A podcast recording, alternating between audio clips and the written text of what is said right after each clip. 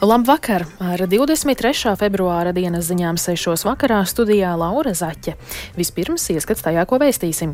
Rietumi pastiprina sankcijas Krievijai.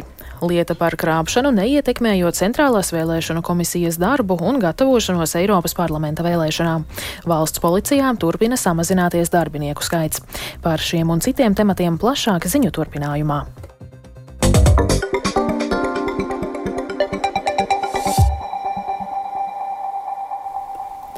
Rietumi turpina izdarīt spiedienu uz Krieviju par tās izvērsto karu Ukrainā, kā arī atbild uz opozicionāra Alekseja Navaļnija nāvi. Sankcijas šonadēļ noteikusi gan Eiropas Savienība, gan Lielbritānija. Tām seko arī šodien izsludinātās Amerikas Savienoto valstu sankcijas, kas esot plašākās kopš Krievijas atkārtotā iebrukuma Ukrainā. Plašāk stāsta Rihards Plūme. Eiropadome dienu pirms otrās gadskārtes, kopš Krievijas atkārtotā iebrukuma Ukrainā, apstiprinājusi Eiropas Savienības jauno 13. sankciju kārtu pret Krieviju.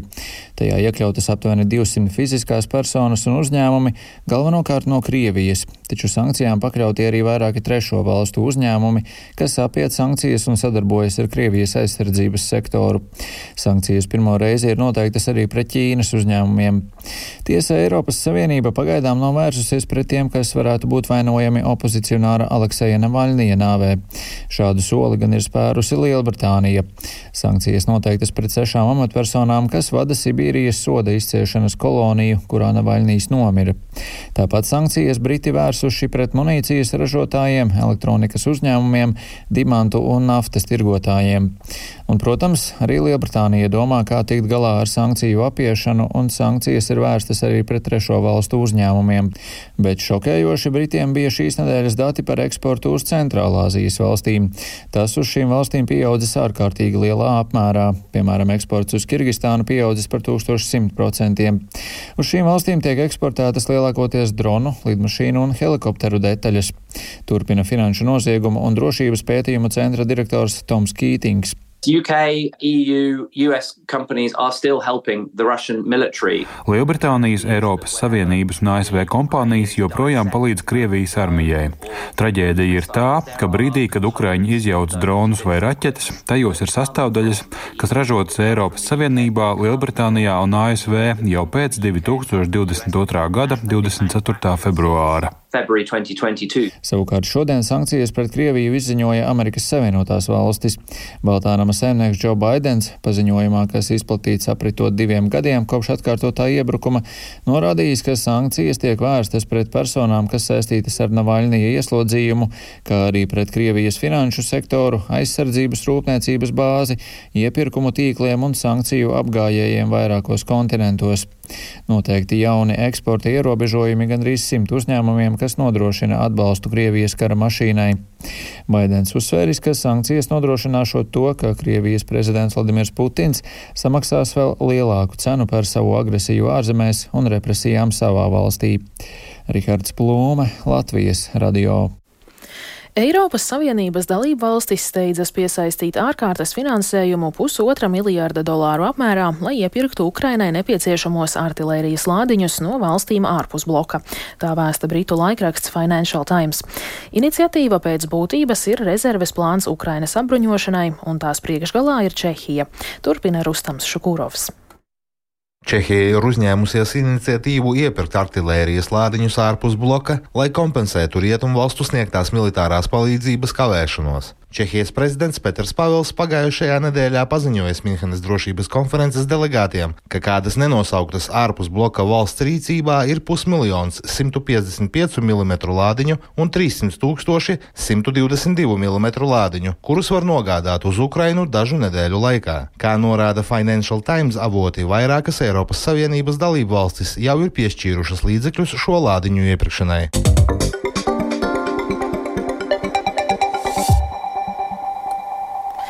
Korupcijas novēršanas un apkarošanas biroja pabeigtā un prokuratūrai nodotā krimināla lieta, kas saistīta ar bijušajiem un esošajiem centrālās vēlēšanu komisijas darbiniekiem, neietekmējot gatavošanos šī gada Eiroparlamenta vēlēšanām. Vairāk par lietu stāsta Jānis Kīncis. Korupcijas novēršanas un apkarošanas birojas lietu par krāpšanu Centrālās vēlēšana komisijas iepirkumos sāka 2022. gada nogalē. Tolaik lieta figurēja desmit cilvēki, ieskaitot visu toreizējo CVK sastāvu. Pašlaik, kad lieta nodota prokuratūrai, lietā ir trīs cilvēki un informācijas tehnoloģija uzņēmums SOAR. Turpina knaba pārstāve Agita Antonāne. Šis uzņēmējs iepirkuma dokumentācijā iespējams ir norādījis nepatiesu informāciju par plānotajiem pakalpojumiem tādējādi saņemot samaksu no Centrālās vēlēšana komisijas par faktiski neveiktiem darbiem. Knabi ieskatā tādējādi izkrāpti te 150 tūkstoši eiro. Iesaistītie CVK nodarbinātie, apzinoties uzņēmēja iniciēto pretiesisko darbību sekas, parakstīja viltotos dokumentus. Krimināla procesā iesaistītie CVK komitejas nodarbinātie ir bijusi iestādes vadītāja Kristīna Bērziņa un vēl divi arī pašlaik tur strādājošie.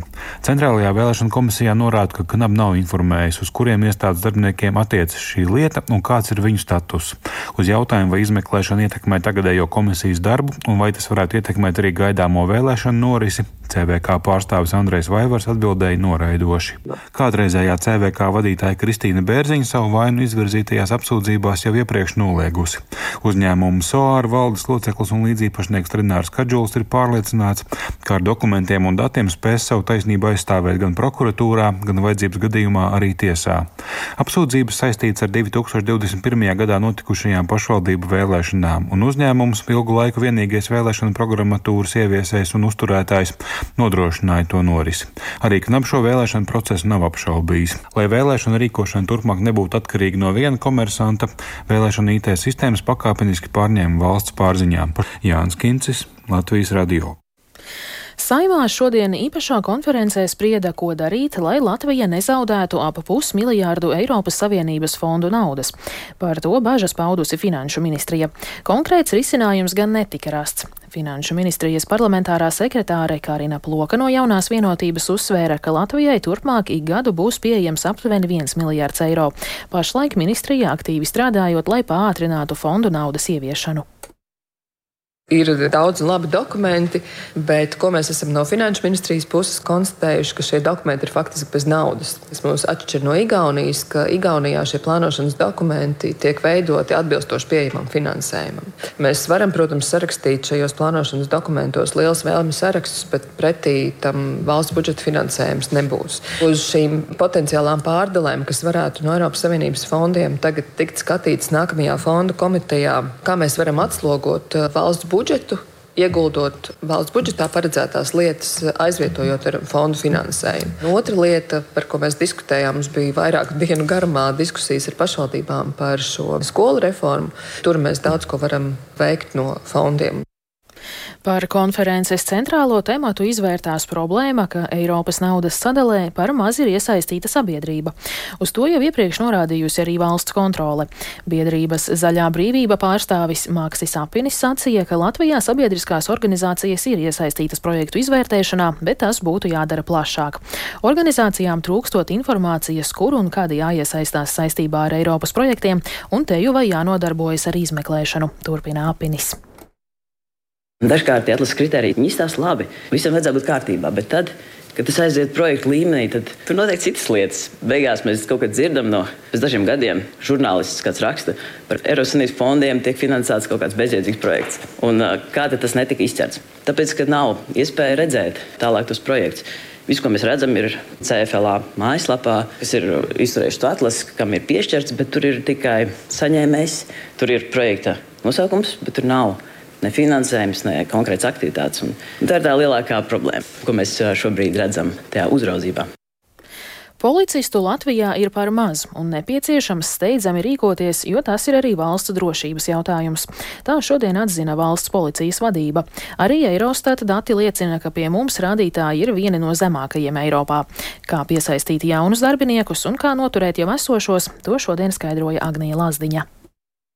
Valsts policija pakāpeniski samazina štāta vietas, tādējādi cīnoties arī ar darbinieku trūkumu, tomēr ik gadu tas turpina pieaugt. Pērn policijā iztrūcis virs pusotra tūkstoša, jeb 25% darbinieku, un lai gan dienesta laiks pagarināts 170 amatpersonām, aptuveni tikpat no darba valsts policijā atvaļinājušās pēc pašu vēlēšanās. Valsts policijas priekšnieka vietnieks, galvenās administratīvās pārvaldes priekšnieks Normunds Grūbis skaidro, lai piesaistītu jaunus policistus un noturētu esošos gados primāri nepieciešams paaugstināt atalgojumu, uzlabot darba vidi, tostarp kā darbinieki norāda darba aptaujās, arī policista profesijas reputāciju. Tādas divas sāpīgās lietas, kas bija norādītas, tas ir atlīdzība un tie jautājumi, kaut kas nu pat atkal izskanēja publiski, izdien pensijas jautājumi. Jā, tas arī darbiniekiem ir svarīgi. Valsts policijas koledžas direktors Dmitrijs Homenko atzīst, ka problēma ir visai vienkārša recepte. Policijai ir jāturpina tikpat strauji attīstīties, lai tā kļūtu par mūsdienīgu un tehnoloģiski attīstītu dienestu, un to varot paveikt piesaistot un uzņemot policijā tieši jaunus un mūsdienīgi domājošus jauniešus. Runājot par policijas darbinieku skaita samazināšanos, valsts policijas priekšnieks Armants Ruks uzsver, ka pie šī brīža ģeopolitiskās situācijas vairs nav kur samazināties. Mums vajag sabiedrības atbalstu, politiķu atbalstu, mums vajag normālu atalgojumu. Paldies, ka pēdējos divos gados, 23. gadā un 24. gadā mums ir atalgojumi jau kaut cik uh, nopietnas atbalsts iedots. Arī iekšlietu ministrs Premjeras Rihards Kazlovskis no jaunās vienotības intervijā Latvijas radio raidījumā Labrīt ir paudis, ka diemžēl atalgojuma ziņā policija un glābēji atpaliek no bruņotajiem spēkiem, taču tas tiekot risināts Agnija Lazdiņa, Latvijas radio.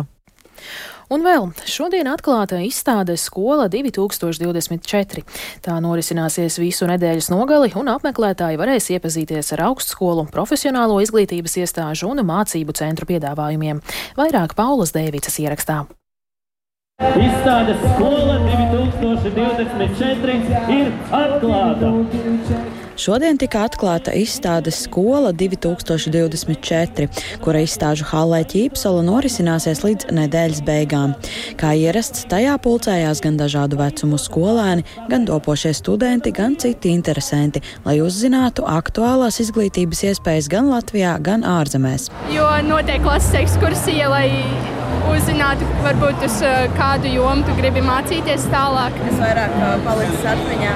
Vidzemes augstskola, jo tur varēja uh, uztaisīt pats savu augu, un man tas likās ļoti interesanti. Mums interesē dažas profesijas, piemēram, viņu interesē valsts policijas koledža, un arī man interesē sports, un tāpēc man bija interesanti uzzināt, kādas studijas ir, kā iestāties, jo es mācos 12. klasē, un tāpēc tas būtu liederīgi. Interesantiem kā katru gadu sevi dažādos radošos veidos prezentēja Latvijas augstākās izglītības iestādes. Tāpat varēja iepazīties arī ar profesionālo vidusskolu piedāvājumu. Sevi prezentēja arī ārzemju augstskolas, visvairāk tieši no Baltijas valstīm, taču apmeklētājiem bija iespējas izzināt arī piedāvājumu citviet, piemēram, Vācijā un Francijā. Paralēli notiek arī dažādi pasākumi un diskusijas gan ar sabiedrībā pazīstamām personībām, gan mācību spēkiem.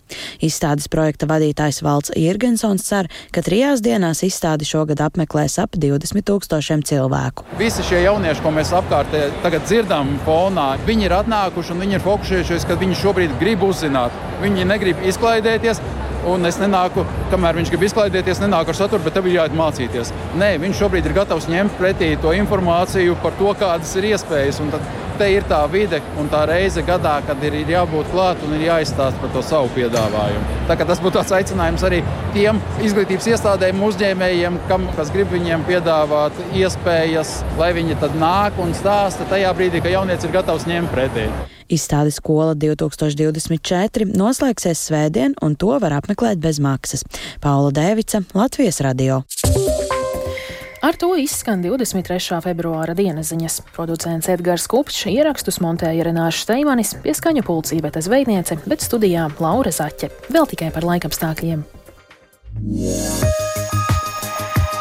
Gaisa temperatūra Rīgā šobrīd ir plus 7 grādi un pūš dienvidu vējš 3 m2, bet par laiku turpmāk stāsta Toms Brīcis. Pavasaris iestājies pat mēnesi agrāk par klimatisko normu, un līdz pat februāra beigām valdīs tāds temperatūras režīms, kas raksturīgs marta beigām un pat aprīļa sākumam. Brīvdienās bieži gaidāms lietus, sestdienas pēcpusdienā arī spēcīgs dienvidu, dienvidu rietumu vēju brāzmās 15-20 m2. Temperatūra brīvdienu naktīs 0,5 grādi, svētdienas rītā vietām vidzemē un latgalē līdz mīnus 2 grādiem, bet pēcpusdienās plus 4,9 grādi, sestdienas zemgalē, sēlijā un latgales dienvidos līdz 10,11 grādiem. Arī nākamnedēļ laiks saglabāsies silts, tikai dažās naktīs un vietām temperatūra noslīdēs kādu grādu zem nulles, bet lielākoties tā būs pozitīva. Dienās sasniegs 3 līdz 10 grādus, dažās dienās vietām līdz 13 grādiem.